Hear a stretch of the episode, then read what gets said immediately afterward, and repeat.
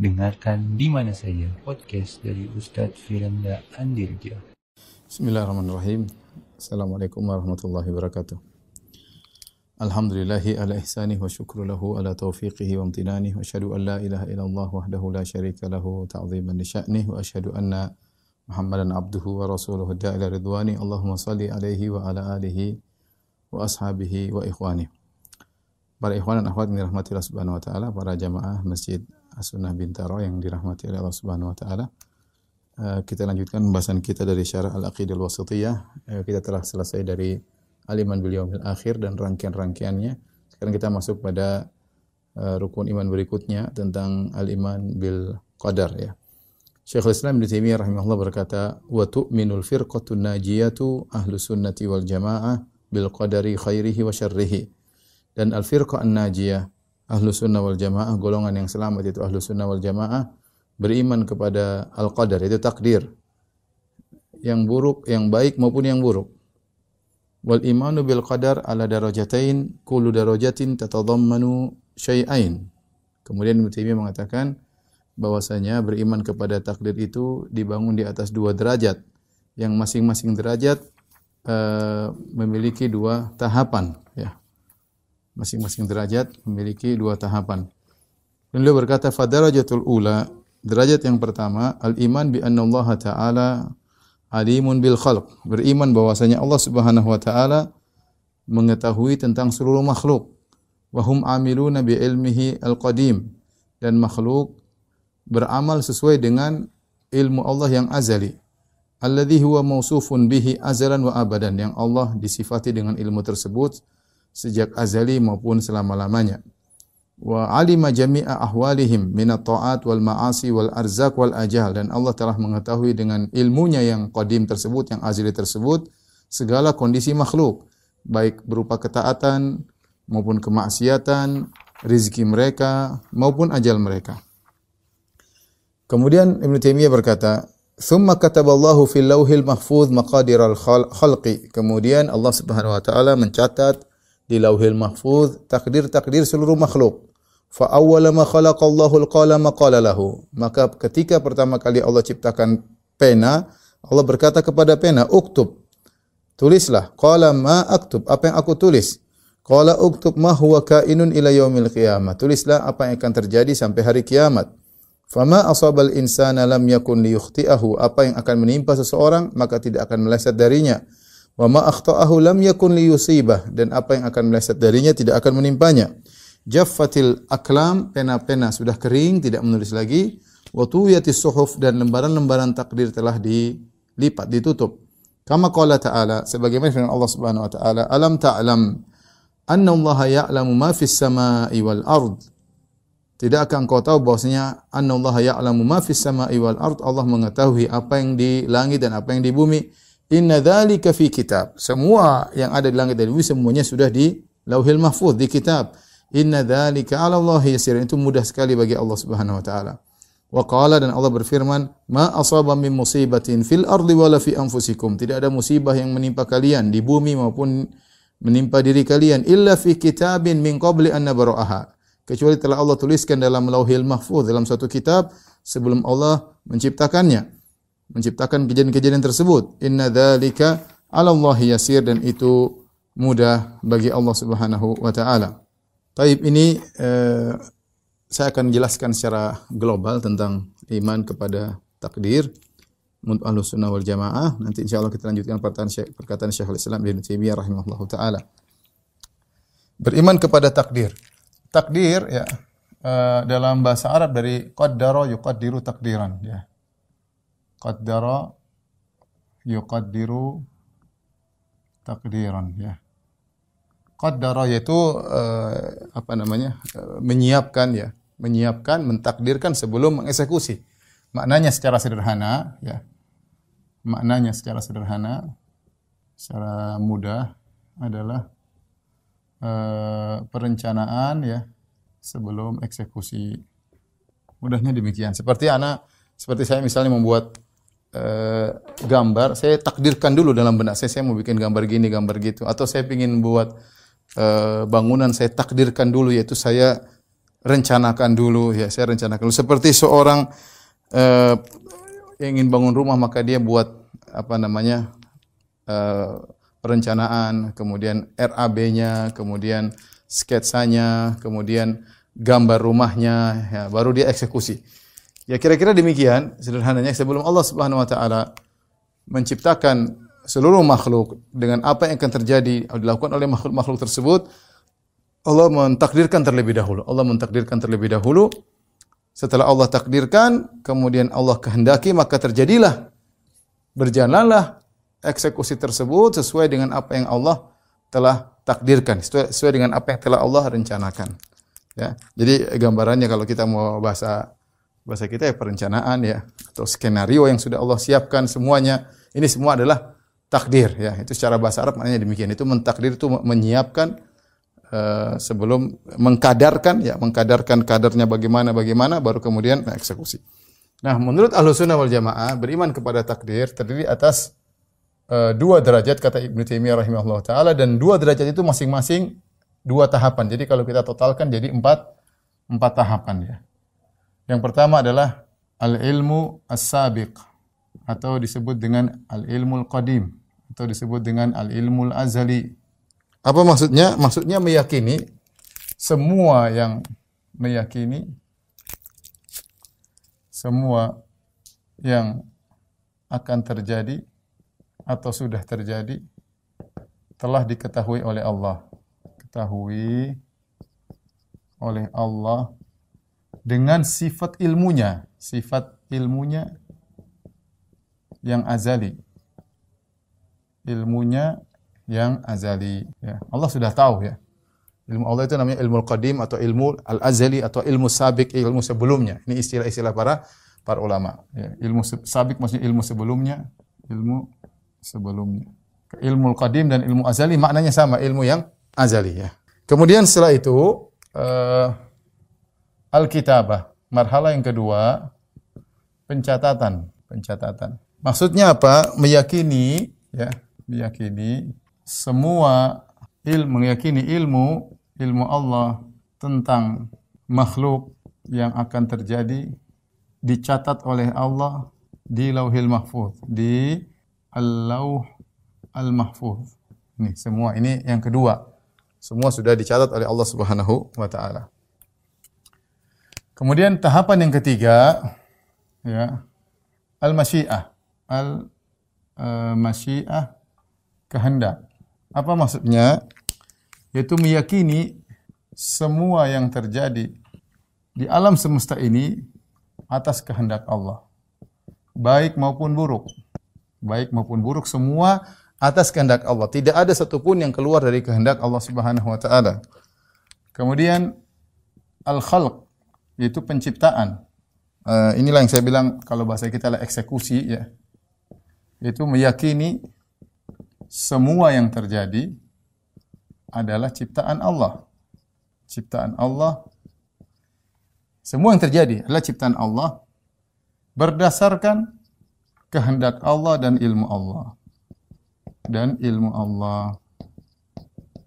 Nah, kira-kira inilah uh, yang disebut dengan takdir. Empat marhala ini saya berkasih nomor yang pertama ilmu sabik, yang kedua pencatatan, yang ketiga kehendak, yang keempat eksekusi.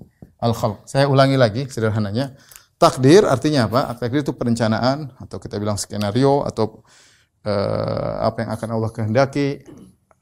Sebelum Allah menciptakan makhluk, Allah merencanakan terlebih dahulu. Dan Allah tahu bahwasanya apa yang akan terjadi, Allah sudah tahu semuanya.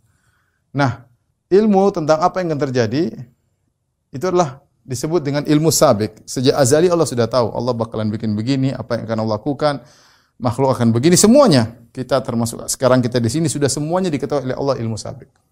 Setelah itu Allah catat. Rencanaan tersebut Allah catat. Allah catat di Lauhil Mahfuz, di Lauh Al-Mahfuz. Allah catat. Ya, Allah catat untuk menunjukkan bahwasanya benar apa yang Allah rencanakan tidak akan ada yang keluar dari apa yang Allah catat.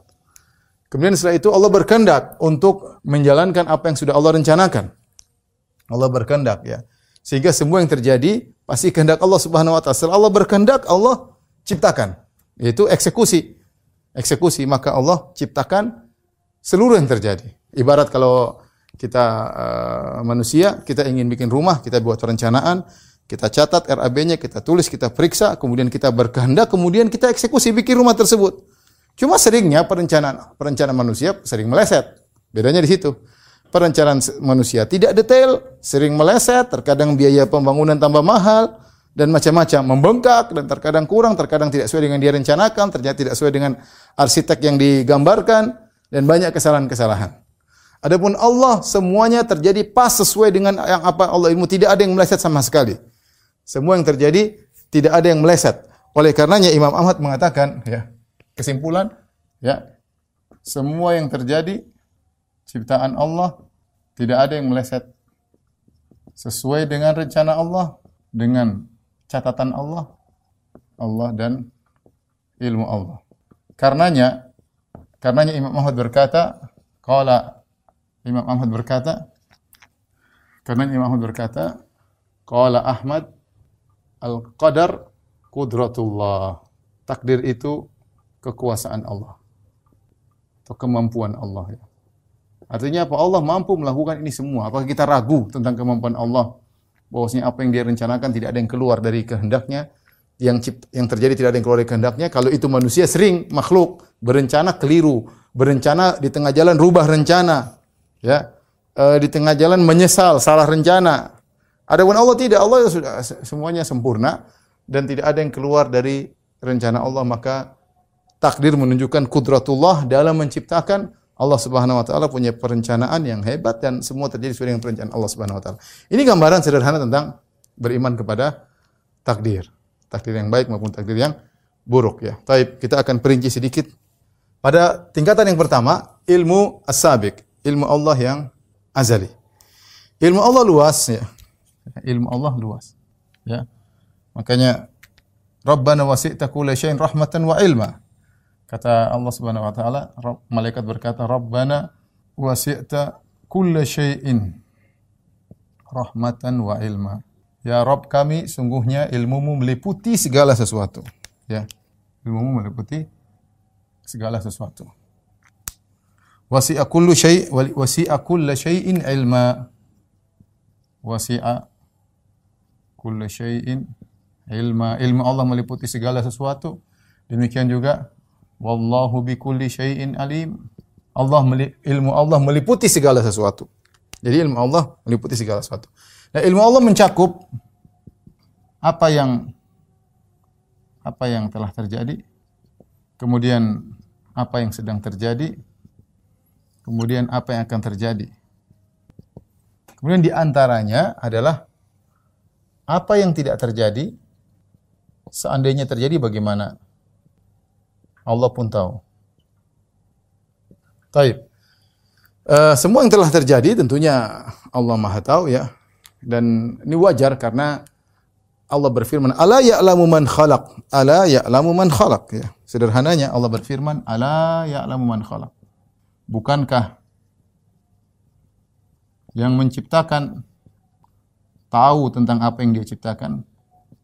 Apa yang dia ciptakan? Jelas, kita semua ciptaan Allah Subhanahu wa taala. Kita pohon, hewan, tumbuhan, udara, matahari, rembulan, semua ciptaan Allah tahu semuanya tentang apa yang dia ciptakan. Allah tahu. Ilmu Allah meliputi segala sesuatu. Apa yang sedang terjadi kata Allah Subhanahu wa taala, "Wa ma tasqutu min waraqatin illa ya'lamuha." Ya. Seperti Allah Subhanahu wa taala, "Wa ma tasqutu min waraqatin illa ya'lamuha." Wa ya'lamu fil barri wal bahr. Ya. Allah mengetahui apa yang di langit, apa yang di daratan, di lautan. Bahkan tidak ada satu daun pun yang gugur kecuali Allah tahu. Allah tahu. Ya, Allah tahu yang sedang terjadi daun gugur jatuh, bagaimana jatuhnya, di pohon mana, berapa daun, Allah semuanya tahu. Karena semua ciptaan Allah sederhana. Semua ciptaan Allah tahu apa yang terjadi. Apa yang sedang bergulir di hati kita wa huwa alimum bidzati sudur. Allah tahu isi hati kalian sebelum kalian ungkapkan Allah sudah tahu. Kenapa? Karena hati ini ciptaan Allah Subhanahu wa taala. Semua ciptaan Allah Maha tahu, ya. Apa yang akan terjadi juga Allah tahu. Ya.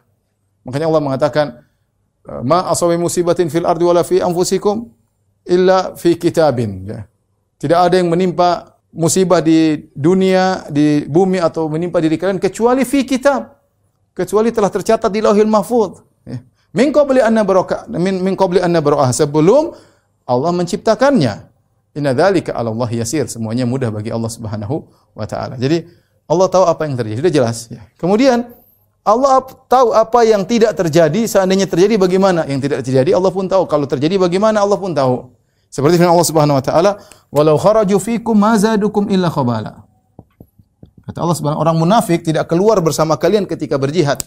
Kata Allah, seandainya orang munafik keluar bersama kalian berjihad, Allah tahu mereka akan bikin semakin kacau. Mereka tidak keluar jihad sama Nabi. Tapi kata Allah, seandainya mereka keluar, yang terjadi begini. Allah juga tahu. Ya, ya. Kata Allah Subhanahu wa taala, "Inna syarrad dawabi 'indallahi summum bukmul ladzina la yaqilun." Sungguhnya orang-orang yang eh, apa yang ya, manusia yang paling buruk ya adalah yang bisu dan tuli yang tidak berfikir. Walau alimallahu fihim khairan la asma'ahum. Kalau Allah tahu pada diri mereka kebaikan, Allah akan berikan mereka pendengaran sehingga mereka bisa mendengar ayat-ayat Allah. Walau asma'ahum, seandainya Allah kasih buat mereka paham, la tawallau, mereka tetap akan berpaling, wahum mu'ridun. Mereka akan berpaling dan mereka akan uh, i'rad, ya. Jadi Allah sebutkan mereka ini tidak dengar. Seandainya mereka dengar pun mereka akan berpaling kata Allah Subhanahu wa taala. Jadi Allah tahu yang tidak terjadi. Seandainya terjadi seperti apa Allah pun tahu.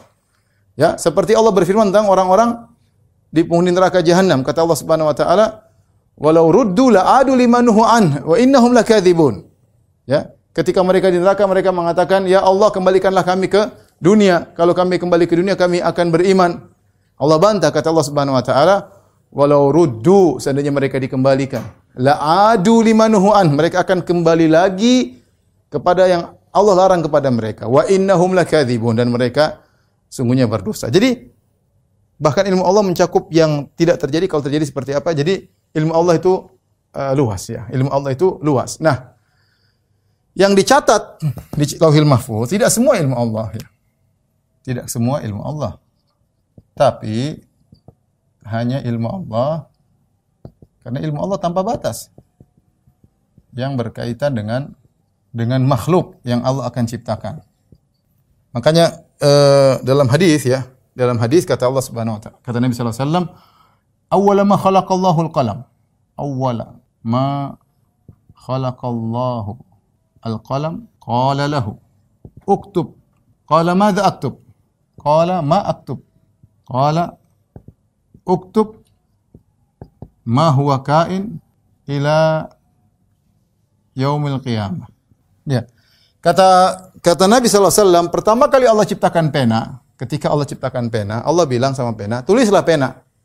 Ini pencatatan. Kemudian pena bilang, apa yang aku tulis? Kata Allah, tulis semua yang akan terjadi sampai hari kiamat. Kata Allah, tulislah semua yang akan terjadi hingga hari kiamat. Baik. Perhatikan di sini Allah jelaskan yang tertulis adalah yang akan terjadi yaitu makhluk-makhluk yang terjadi uh, sampai hari kiamat. Berarti yang ditulis dalam ilmu ada batasannya. Berarti apa? Se semua berarti berarti apa ilmu yang berkaitan dengan sebelum diciptakannya pena tidak tertulis. Ilmu berka yang berkaitan dengan sebelum diciptakannya pena diciptakannya pena tidak tertulis. Kemudian juga ujungnya adalah sampai masuk surga masuk neraka. Ila qiyamis itu sampai masuk surga masuk neraka. Selesai. Itu ujung dari pencatatan lauhil mahfuz. Ujungnya ya. Ujung pencatatan ujung ujung pencatatan adalah hingga hari kiamat hingga hari kiamat. Yaitu hingga manusia masuk surga masuk neraka. Ya kenapa? Karena lauhil mahfuz tidak mencatat semua ilmu Allah. Karena ilmu Allah tidak ada ujungnya ya.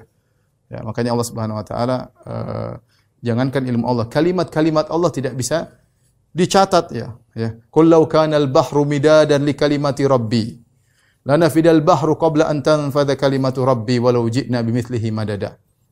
Ya, kalau seandainya lautan dijadikan tinta untuk mencatat kalimat-kalimat Allah, yang kalimat Allah bagian daripada ilmu Allah, ya.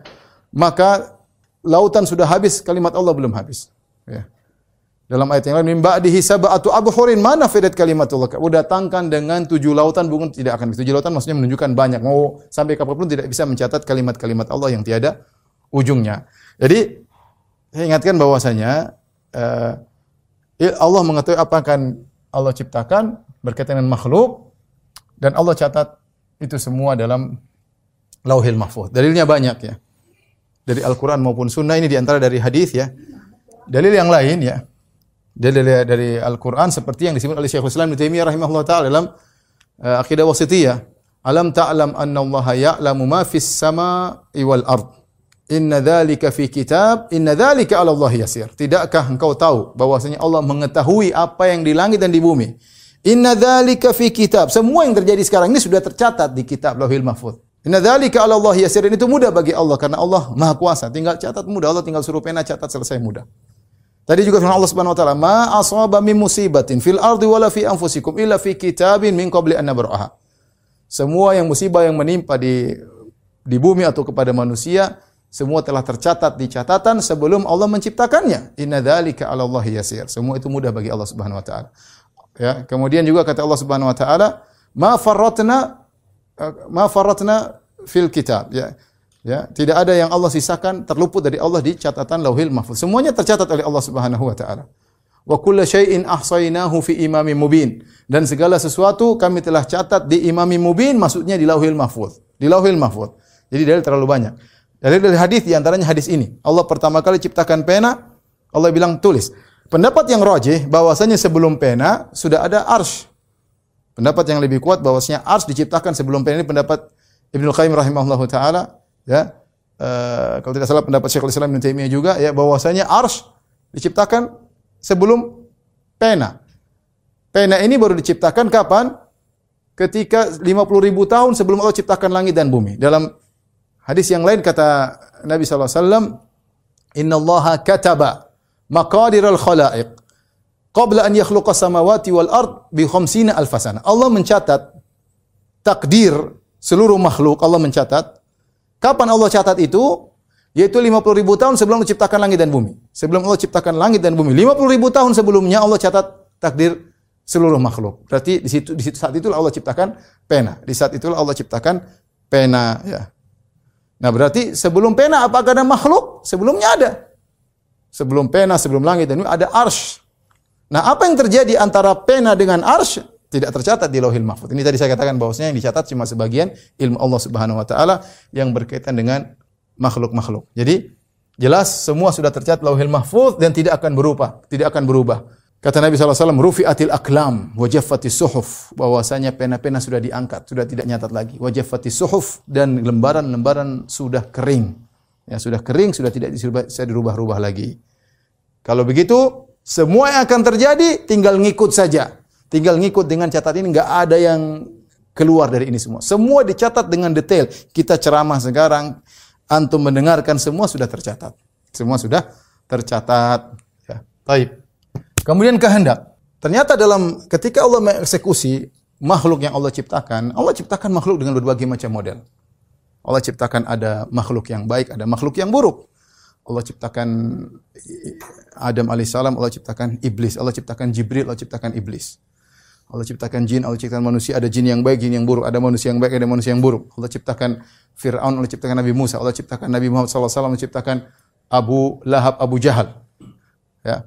E, semuanya Allah ciptakan ya, yang baik maupun yang buruk Allah ciptakan. Makanya dan semua yang terjadi dalam semesta ini atas kehendak Allah, baik maupun yang buruk. Tidak boleh kita katakan, oh ada yang tidak Allah kehendaki. Berarti Allah bukan berarti Allah tidak qadir. Saya katakan tadi ini catatan penting. Bahwasanya al-qadar kudratullah. Takdir itu kemampuan Allah. Kalau ada yang bilang bahwasanya ada yang terjadi bukan dikehendaki oleh Allah, berarti Allah tidak pantas jadi Tuhan. Berarti Allah tidak maha kuasa. Berarti ada sesuatu yang luput dari kehendak Allah. Allah catatnya begini, ternyata jadinya begini. Ini nggak benar. Ini logika sederhana maksud saya. Agar kita tahu bahwa semua yang terjadi atas kehendak Allah Subhanahu wa taala. Semua terjadi ciptaan Allah Subhanahu wa taala. Karena kalau ada yang bilang, "Oh, keburukan Allah tidak kehendaki." Kalau begitu iblis Allah tidak kehendaki, berarti iblis keluar keluar dari takdir dong. Allah tulis waktu Allah suruh pena tulis di Lauhil Mahfuz berarti tidak ada iblis atau iblis muncul lah. Ini berarti Allah bukan Tuhan. Allah bukan Tuhan, berarti Allah tidak mampu, tidak mampu mengontrol makhluknya. Ada yang tercipta bukan dari kehendak Allah Subhanahu wa taala, ada yang bertindak bukan kehendak Allah Subhanahu wa taala. Dan ini bertentangan dengan Allah yang qadir. Taib.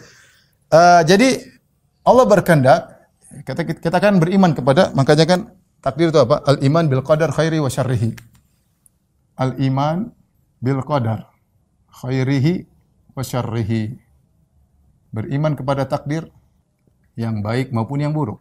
Ini yang inilah yang rukun iman, inilah yang rukun iman. Ya. Kita bukan cuma beriman kepada yang baik, yang baik aja, yang buruk juga. Makanya ini dan ini sebenarnya fitrah manusia, bukankah uh, orang-orang awam ya? Jangankan kita bicara tentang ya, orang-orang yang mungkin nggak pernah ngaji, tapi orang Islam kalau terjadi ya sudah qadarullah mereka bilang. Ini sudah digariskan yang kuasa. Mereka biasanya ucapkan pada perkara-perkara yang mereka tidak sukai. Itu sesuatu yang mereka tidak sukai. Tapi qadarullah. Mau diapain lagi? Dan ini ucapkan oleh ibu-ibu yang sudah tua, qadarullah, was, sudah takdirnya, ya gimana? Mau diapain? Ya.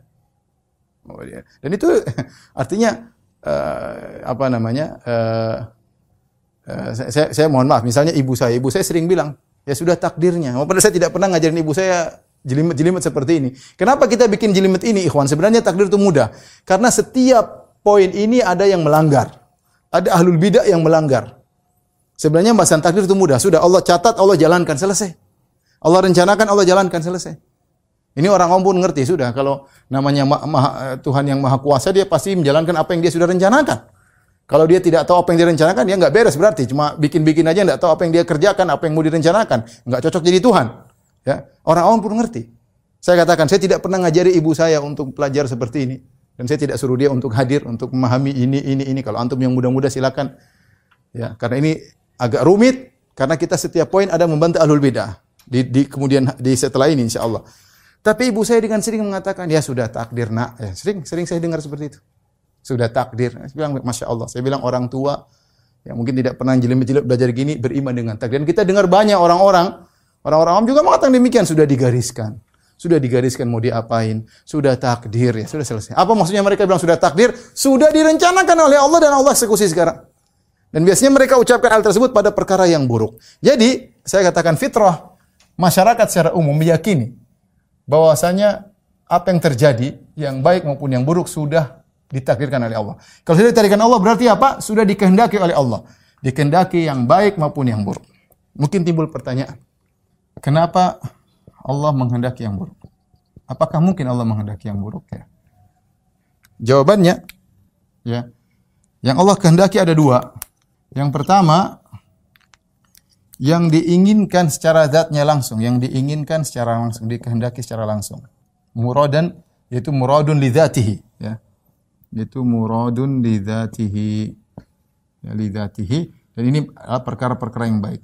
Allah ingin kita beriman dan lainnya. Yang kedua adalah yang di, dikehendaki di balik yang terjadi. Yang dikehendaki di balik yang terjadi. Kalau orang bilang muradun li ghairihi. Yaitu apa? Maksudnya Allah menghendaki suatu keburukan, tapi di balik keburukan itu ada hikmah yang baik. Sederhananya begini. Sederhananya yaitu Allah menghendaki suatu keburukan terjadi terjadi. Kenapa? Karena di balik keburukan itu ada hikmah kebaikan. Kebaikan. Nah, saya sering bilang contoh sederhananya, misalnya ada orang sakit, kemudian uh, kena gula atau yang lainnya sehingga kakinya harus diamputasi. Tentu kita tahu mengamputasi kaki itu perkara buruk bagi tubuh, tubuh menjadi berkurang. Itu menjadi berkurang, ya, tidak lengkap lagi. Tapi harus dipotong, kenapa? Karena ada kebaikan di balik itu agar tubuh yang lain selamat. Ini saya ingin beri gambaran sederhana ya. Jadi Allah terkadang menghendaki keburukan bukan karena zatnya tapi di balik itu ada sesuatu yang Allah kehendaki. Ya, seperti tadi ada orang Eh, kakinya dipotong buat apa? Eh, buruk memang kaki dipotong, tapi di balik itu ada ada kesembuhan ya, atau keselamatan bagi anggota tubuh yang lain. Misalnya Allah sebutkan dalam firman-Nya, "Dhaharal fasadu fil barri wal bahri bima kasabat aydin nas liyudhiqahum ba'dalladzi amilu la'allahum yarji'un." Dalam surat Ar-Rum kata Allah Subhanahu wa taala, telah nampak kerusakan, dhaharal fasad, telah nampak kerusakan fil barri wal bahri di daratan dan di lautan. Ingat, kerusakan ya. Kerusakan ini buruk atau tidak? Buruk.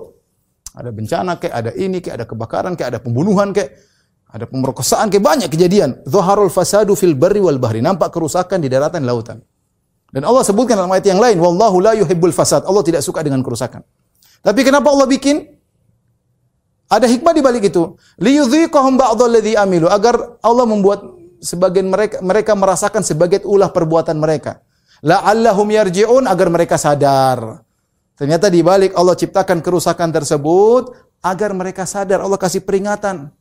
Kalau nggak diberi peringatan mereka nggak sadar. Ini logika sederhana bahwasanya Terkadang Allah ciptakan keburukan yang Allah tidak suka dengan keburukan tersebut, kita pun tidak suka. Tapi di balik itu ada yang lebih baik, yang hikmah yang Allah kehendaki. Contoh gampangannya, Yusuf alaihissalam. Ya.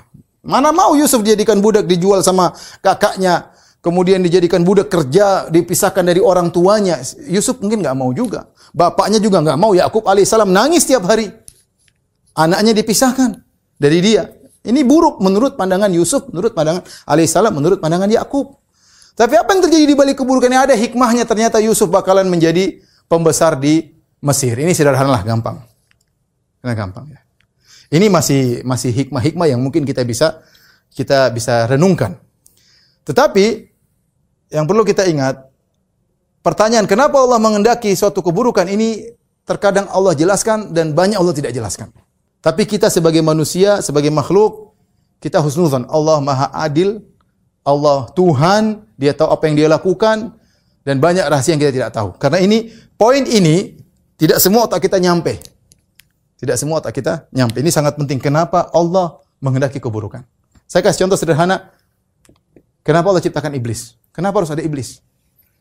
Ya kita bilang ya itu terserah Allah. Allah memang bikin, bikin ingin bikin uh, bumi, kemudian Allah ingin menguji manusia, harus ada apa nih peran antagonisnya yaitu iblisnya. Harus ada iblisnya. Tapi kenapa Allah ciptakan iblis? Kita bilang Allah alam. Tapi para ulama menyebutkan iblis memang buruk. Tapi di balik adanya iblis banyak perkara yang Allah cintai. Di antaranya apa? Allah membuktikan bahwasanya Allah bisa menciptakan dua hal yang kontradiktif. Ada iblis ada Jibril. Allah bisa menciptakan surga dan neraka. Allah bisa menjalankan kehendak Allah itu menguji manusia Allah dengan adanya iblis menampakkan ada manusia-manusia yang hebat yang mereka mengorbankan jiwa dan raga mereka untuk berjihad di jalan Allah. Allah buktikan dengan adanya iblis ada makhluk-makhluk Allah yang luar biasa spesial yang mereka mengorbankan harta mereka melawan godaan iblis untuk takut dengan rasa rasa miskin. Allah bilang ada hamba-hambaku yang yang hebat. Dengan adanya iblis, maka adanya neraka. Kalau nggak ada iblis, nggak bisa Allah ciptakan neraka ya. Kalau nggak ada iblis, eh, neraka nggak nggak mungkin diisi orang. Ya. Harus ada yang melakukan maksiat kemudian masuk neraka. Ya. Dengan adanya iblis maka Allah bisa tunjukkan wahwa syadidul iqab. Allah itu hukumannya keras. Dengan adanya iblis maka Allah tahu Ghafurur Rahim. Orang hamba-hamba tahu Ghafurur Rahim karena orang bermaksiat kemudian dia minta ampun kepada Allah maka dia tahu Allah Ghafurur Rahim. Kalau nggak ada iblis dia nggak bermaksiat. Dan banyaklah. Ini ini sekelumit yang sedikit yang para ulama sebutkan dan mereka hanya mereka-reka. Intinya kita nggak tahu secara sungguhnya apa yang lebih Hikmah lebih hebat daripada itu. Kenapa otak kita nggak sampai? Otak kita nggak sampai. Kenapa saya ingin sampaikan tekankan ini? Karena kalau saya bicara takdir nanti akan banyak pertanyaan. Kenapa Allah bikin begini? Kenapa Allah bukan begitu? Jawabannya Allah sudah bantah. Allah mengatakan la yus alu amma yaf'alu wa hum yus'alun. Allah tidak ditanya dengan apa yang dia lakukan. Perhatikan. Wa hum yus'alun. Mereka yang nanya-nanya akan ditanya. Tugas Anda bukan untuk menyidang Allah. Allah akan menyidang Anda pada hari kiamat. Tugas Anda adalah beriman bahwasanya yang baik dan buruk sudah Allah ciptakan. Itu ciptaan Allah selesai. Bukan tugas Anda kenapa Allah ciptakan ini, kenapa Allah ciptakan anu, enggak. Kenapa ikhwan? Karena ilmu kita enggak mampu, ilmu kita enggak sampai. Makanya para salaf mengatakan al-qadar sirrullah, al-maktum. Seperti dari Ali bin Abi Thalib yang mengatakan takdir itu adalah rahasia Allah. Ada hikmah-hikmah yang bisa kita pahami dan terlalu banyak hikmah yang tidak kita bisa pahami. Kenapa kita tidak bisa paham? Karena kemampuan ilmu kita. Ya, coba Sederhana. Uh, kenapa Nabi Musa memprotes kepada Khadir ketika Khadir merusak kapal? Karena ilmu Nabi Musa tidak sampai. Dia melihat itu stok kemungkaran. Kenapa? Kenapa uh, Khadir merusak kapal? Kemudian berikutnya Khadir bunuh anak kecil. Wah ini kenapa Khadir bunuh anak kecil? Alaihissalam. Kemudian berikutnya Khadir diusir dari suatu uh, minta jamuan tidak dikasih jamu ternyata dia balas air tuba dengan air susu, maka justru uh, temboknya orang kampung situ diperbaiki. Nabi Musa tanya, kenapa ya? Nabi Musa tidak bisa terima kenapa ikhwan li ikhtilafil ilm karena ilmu berbeda. Ilmunya Khadir tentang ini hikmah dia ngerti. Ilmunya Musa tidak sampai makanya dia mengingkari. Sederhana gitu. Ini antara manusia dengan manusia. Contoh sederhana, kita kadang ribut sama anak kita. Misalnya anak kita mau main game, kita bilang jangan nak. Dia protes kenapa? Abi kita jangan. Kita mau jelasin nggak bisa. Kamu nanti begini, dia nggak paham. Mau paksa kita jelasin dia nggak paham. Otak dia nggak sampai otak kita. Lagi anak itu masih tiga tahun, gimana jelasinnya? Ya. Kenapa dia nggak mampu, nggak mampu untuk memahami? Kita bilang nggak boleh, kenapa nggak boleh? Menurut dia buruk, kita melarang-larang dia. Menurut dia buruk. Kita mau jelasin dia nggak paham. Mau jelasin nggak paham. Ya sudah nak, pokoknya nggak boleh. Ya pokoknya kan, dia dia nggak paham. Ilmu dia tidak sampai. Kalau saya kasih ibarat misalnya ilmu Allah misalnya, tentu lebih daripada ini. Misalnya ilmu Allah adalah lautan, ilmu Allah adalah lautan. Otak kita ini segelas yang tidak mampu menampung semua itu. Mau nampung taruh ya tidak sampai cuma sedikit yang bisa kita tampung. Apalagi Allah mengatakan wa ma utitu minal ilmi illa qalila. Kalian tidak punya ilmu kecuali sedikit diberikan. Dan kita lihat ilmu manusia berkembang sedikit demi sedikit dulu tidak tahu apa-apa sekarang menemukan ini, menemukan ini, menemukan HP, menemukan mobil. Ilmu berkembang sedikit, tapi itu pun semua sedikit illa qalila, cuma sedikit. Nah, kita berbicara tentang Allah, Allah ber, Allah Allah sudah kunci pintu kata Allah la yus'al, Allah tidak ditanya. Karena kita ketika bicara takdir kita akan terpentok pada ini. Kenapa Allah ciptakan ini? Kenapa Allah bikin begini? Kenapa kenapa ini? Sudah buang saja. Makanya para ulama mengatakan al qadar sirullah. Takdir adalah rahasia Allah. Ya, tidak akan ada yang bisa memahaminya. Ya. Dan kita tidak akan pernah puas ketika kita menggunakan akal kita untuk memahami nggak bakalan sampai. Sudahlah, pokoknya terima aja begini perencanaan Allah Allah ciptakan begini begini jadi seperti ini. Itulah beriman kepada takdir. Makanya nanti kita akan jelaskan sebab kesesatan yang terjadi qadariyah kenapa? Karena terlalu masukkan akal dia dalam hal-hal yang di luar ranahnya. Kata Nabi SAW, Idza dzukiral qadar fa'amsiku. Kalau disebutkan takdir maka tahan diri. Ketika seorang terlalu masuk dalam takdir tanpa dalil, hanya sekedar menggunakan logikanya, dia pasti keliru. Dia pasti keliru. Dia pasti mengkiaskan Allah dengan manusia. Nanti kan kita jelaskan pada kesempatannya tentang firqah-firqah yang menyimpang uh, dalam hal ini. Saya ulangi lagi, kenapa kita buat poin 1, poin 2, poin 3, poin 4? Karena setiap poin ini ada yang menyelisihi. Ada firqah-firqah, sekte-sekte yang menyelisihi, sehingga kita perlu jelas dari poin pertama, poin kedua, poin ketiga, poin keempat. Sebenarnya takdir itu mudah, saya katakan tadi orang tua pun paham, tidak pernah belajar gini juga ngerti. Gampang, Tuhan merencanakan, Tuhan mengeksekusi. Selesai. Kalau terjadi, oh sudah di, sudah direncanakan, sudah selesai. Nah, tapi kita agak detail, kenapa? Karena ada penyimpangan. Al-Khalq marhala yang terakhir eksekusi. Setelah Allah ilmu Allah tentang apa yang terjadi, kemudian Allah uh, menuliskan apa yang Allah hendak ciptakan, Allah berkehendak semua yang Allah uh, uh, kehendaki semua kehendak Allah Subhanahu wa taala. Kemudian marhala al-khalq itu Allah ciptakan yaitu eksekusi. Tadi saya katakan yaitu meyakini semua yang terjadi di, di adalah ciptaan Allah berdasarkan kehendak Allah dan ilmu Allah. Semua yang terjadi atas kehendak Allah. Iblis yang cipta Allah. Orang soleh ya uh, Jibril yang cipta Allah. Orang soleh dengan ketaatannya yang cipta Allah. Pelaku maksiat dengan keburukannya dia membunuh, dia anu, dia apa semuanya ciptaan Allah ciptaan Allah. Inilah uh, secara sederhana tentang uh, beriman kepada takdir, beriman kepada uh, takdir ya. Dan kita harus menundukkan logika kita karena kalau kita menggunakan logika kita, otak kita enggak enggak sampai. Saya sering sampaikan bagaimana mata kita punya uh, keterbatasan, kita hanya bisa melihat apa yang bisa kita lihat, terlalu jauh kita nggak bisa lihat, terlalu kecil kita nggak bisa lihat, ya, terlalu terang kita nggak bisa lihat, Terlalu gelap kita nggak bisa lihat, sementara ada makhluk yang dalam kegelapan bisa melihat. Ada makhluk yang kecil dia bisa lihat. Ya, kita aja pandang kita terbatas. Semakin kita lihat matahari semakin sakit. Kata Abu Hanifah demikianlah takdir. Semakin kau dalamkan akalmu kau semakin tidak paham. Ya, kau semakin bimbang, semakin tidak paham. Ya. Sama pendengaran kita juga, eh, maksudnya ada corona. Kita nggak tahu, tapi kita yakin ada corona. Kita nggak bisa lihat, tapi ada. Barang itu ada. Ya, barang itu ada. Jin kita nggak lihat, tapi ada. Ya, tapi mata kita tidak mampu. Mendengar juga demikian. Gelombang tertentu kita bisa dengar. Interval dari gelombang sekian, frekuensi sekian, frekuensi sekian kita bisa dengar. Yang lain kita nggak mampu. Kalau kita frekuensi kita bisa dengar semuanya, banyak radio yang kita dengar di sini. Ya, tapi pendengaran kita terbatas. Nah, demikian juga akal kita adalah indera yang punya keterbatasan. Ada hal-hal yang di luar daripada ranah akal yang tidak mampu kita pahami di antaranya masalah takdir maka kita harus berhenti pada poin tertentu berdasarkan dalil. Kalau Allah mengatakan A B C D maka pahamilah sesuai dengan yang Allah kehendaki. Pahamilah sesuai yang Allah kehendaki. Jadi, saya ingatkan bahwasanya kita berbicara tentang takdir bukan untuk membahas kenapa Allah begini, kenapa Allah begitu, tapi untuk beriman kepada takdir yang baik maupun yang buruk. Itu intinya. Ya. Apa hikmahnya, ikhwan? Hikmahnya banyak ya. Yang pertama, agar sabar. Agar sabar kalau kena musibah. Kalau kena musibah. Makanya Allah mengatakan, tidaklah musibah menimpamu di bumi maupun terhadap dirimu, illa fi kitabin. Semua sudah ditakdirkan. Min qabli an nabra'ah sebelum Allah ciptakan. Inna dzalika Allah yasir. Kemudian kata Allah likaila ta'sau ala ma fatakum. Agar kalian tidak putus asa atas apa yang lewat dari kalian. Sudah ditakdir mau diapain? Allah sudah rencanakan. Mobil kita hilang anak kita meninggal kita jatuh uh, ada pandemi kemudian terbagian kita ekonomi jatuh semua sudah ditakdirkan mau diapain kita sabar ya kita sabar ya Ibu-ibu diomelin suaminya, sudah tahu. Sudah takdir suami saya ngomel saya sudah ditakdirkan. Bapak-bapak diomelin istrinya, tahu. Kalau istri ngomel, ya bu, saya sudah tahu bu. Kenapa? Allah sudah takdirkan. Sebelum 50 ribu tahun sebelum ciptakan langit bumi, Allah sudah catat kamu ngomelin saya malam ini. Sudah selesai. Mau diapain? Kita udah ditakdirkan.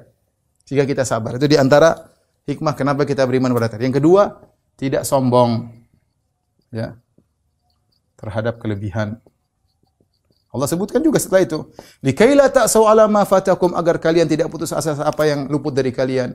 "Wala tafrahu bima atakum" dan kalian tidak bangga dengan apa yang Allah berikan kepada kalian. Ya, tidak bangga. Karena sudah ditakdirkan. Banyak orang yang lebih hebat dari saya tidak kaya, banyak orang yang lebih hebat dari saya tidak berhasil, banyak orang sebenarnya kita tahu bahwasanya ada orang tahu-tahu lahir sudah kaya, dari orang cuma usaha sedikit sudah berhasil. Kita bilang semua kalau kamu dapat kamu jangan sombong. Yang maksud saya sudah ditakdirkan. Ya, santai sudah ditakdirkan. Kamu berusaha tapi usahamu tidak akan keluar dari takdir Allah Subhanahu wa taala. Ini tujuan daripada uh, hikmah. Kemudian kita tawakal. Tawakal yang tinggi. Apa kata Nabi sallallahu alaihi wasallam kepada Ibnu Abbas? "Lau anna lau lau ijtama'u" ya ala an yadurruka bi syai'in lan yadurruka bi syai'in illa ma qad kataballahu alaik. Kalau mereka satu dunia ini berkumpul untuk beri kemudaratan kepadamu, menjatuhkan engkau, mereka tidak bakalan mampu kecuali yang telah Allah catat akan menimpamu. Rufi'atil aklam wa jaffati suhuf. Pena-pena sudah diangkat dan lembaran sudah kering. Jadi jangan khawatir lakukan saja. Ya. Kata kata Nabi, ihris ala ma yanfa'uk wasta'in billah. Pokoknya tawakal. Bersemangat dan bertawakal. Kita tidak tahu takdir kita seperti apa. Ya. Jangan takut apa namanya apa pun kalau semuanya sudah ditakdirkan. Apa yang menimpa kita sudah ditakdirkan. Kalau tidak mengenai kita maka tidak akan mengena. Ya. Ada sebagian kawan, sebagian ustadz kita yang ikut perang, ya, ketika ikut dalam peperangan, dia menyemangati teman-teman yang bersama dia. Dia bilang, ya akhi, setiap peluru sudah ditakdirkan akan mengenai siapa. Kalau tidak kena kamu tidak bakalan kena, masya Allah. Jadi ini saya bukan omong kosong, ini cerita dari salah seorang guru kita. Bagaimana dia mengajarkan uh, murid-muridnya untuk apa namanya berani ketika dalam medan pertempuran. Taib, tawakal yang tinggi. Kemudian di antaranya uh, di antara hikmah adalah tidak ujub karena kita tidak tahu penghujung kita. Ya. Ada yang tahu. Tidak ada yang pernah nengok Lauhil Mahfuz. Saya tidak pernah tengok Lauhil Mahfuz. Saya tidak tahu ujung saya seperti apa. Saya nggak tahu. Antum pun demikian, nggak ada yang tahu. Lihatlah para sahabat saja. Umar yang dikabarkan masuk surga saja tidak ujub. Abu Bakar yang dikabarkan oleh Nabi masuk surga tidak ujub. Lauhil mahfuz sudah Allah kasih tahu untuk masalah dia. Kamu bakal masuk surga. Tidak ujub. Ini kita yang tidak tahu apa-apa mau ujub-ujuban. Ya. Kita nggak tahu nasib kita, tidak ada yang jamin kemudian kita mau ujub. Nggak tahu nasib lauhil mahfuz. Betapa banyak orang dulunya baik dia berubah. Ya. Maka dengan beriman kepada takdir kita tidak ujub karena kita nggak tahu apa yang akan uh, terjadi uh, di kemudian hari. Ya. Kemudian di antara uh, apa namanya beri hikmah kepada takdir konaah Ya akhir rizki yang datang kepada kita sudah ditakdirkan. Kita berusaha, berusaha, berusaha, ternyata datang cuma segitu ya sudah. Mau diapain? Ya. Apa kata Nabi SAW? Inna inna ruhal kudus nafatha fi ru'i anna nafsa lan anna nafsan lan tamuta hatta tastakmila rizqaha. Ya. Jibril memberitahu kepada diriku, memberi wahyu bahwasanya tidak ada satu jiwa pun yang akan meninggal kecuali rezekinya sudah sempurna. Ya. Makanya uh, kata Nabi SAW, wa ajmilu fit talab. Bertakwalah kepada Allah dan cari rezeki yang baik. Ya. Khudhu mahalla wa da'u maharum. Yang halal ambil, yang haram tinggalkan. Kamu mau cara haram, mau cara halal, rezekimu segitu-segitu saja. Tinggal kau mau ikut cara halal ya kau dapat pahala, ikut cara haram kau dosa. Jadi seorang kona ya sudah mau diapain? Allah mentakdir ada yang ada yang miskin. Kita ke bagian mana kita nggak tahu, tapi kita berusaha. Tapi beriman kepada takdir kita bisa kona'ah. Kita bisa kona'ah. Kemudian uh, tadi tidak putus asa atas iman seseorang. Misalnya ada kerabat kita ternyata dia lain agama atau dia murtad, jangan putus asa. Kita nggak tahu, mungkin detik-detik terakhir dia dapat hidayah. Saya ada kenal seseorang, uh, ibunya, bapaknya kafir. Dia sudah ngaji, sudah uh, sudah sunnah. Kemudian tapi ketika bapaknya sakit, dia selalu rawat, rawat sampai akhirnya bapaknya mengucapkan la ilaha illallah. Dia tahu takdir. Oh, tadi Nabi mengatakan Inna ahdakum la ya'malu bi amali ahli nar hatta ma yakunu baina wa baina ila zira. Ada seorang di antara kalian melakukan amalan penghuni neraka sampai antara jarak dia dengan neraka tinggal satu hasta. Kemudian ternyata faisbiku alihil kitab sudah ditakdirkan dia masuk surga. Fayamalu bi amali ahli jannah di penghujungnya dia beramal dengan amalan penghuni surga. Fayadkhuluha kemudian dia masuk surga ya. Dan sebaliknya ada orang melakukan amalan kebajikan tapi sudah takdir di ujungnya dia melakukan amalan keburukan maka dia pun masuk neraka jahanam. Jadi saya katakan iman kita kepada takdir ini fungsinya hikmahnya agar kita tahu bahwasanya semua sudah terjadi terencana. Bukan kita beriman dengan takdir untuk tanya kenapa Allah bikin begini, kenapa Allah bikin begitu. Karena itu tidak akan kita dapat jawabannya. Hanya ulama sebagian ulama berusaha mereka-reka tapi itu belum pasti. Seperti saya katakan tentang iblis tentang ini. Wallah alam. Yang jelas Allah sudah katakan la yas la yus'alu amma yaf'al. Allah tidak ditanya apa yang dia uh, kerjakan wa hum yus'alun dan mereka ditanya. Allah alam bisawab. Uh, sampai di sini dulu uh, kajian pertama tentang takdir. Insya Allah kita lanjutkan mungkin tentang kelompok-kelompok yang menyimpang pada uh, pertemuan berikutnya. Demikian saja uh, ikhwan dan akhwat para jamaah Masjid uh, Bintaro As-Sunnah Bintaring rahmatillah subhanahu wa taala insyaallah kita lanjutkan pada pekan depan pembahasan yang lebih detail insyaallah dan saya harapkan teman-teman bisa murajaah sebelum masuk pembahasan berikutnya karena ini harus dimatangkan sebelum kita membahas tentang misalnya penyimpangan-penyimpangan. Allah taala bisawab. Uh, Assalamualaikum warahmatullahi wabarakatuh.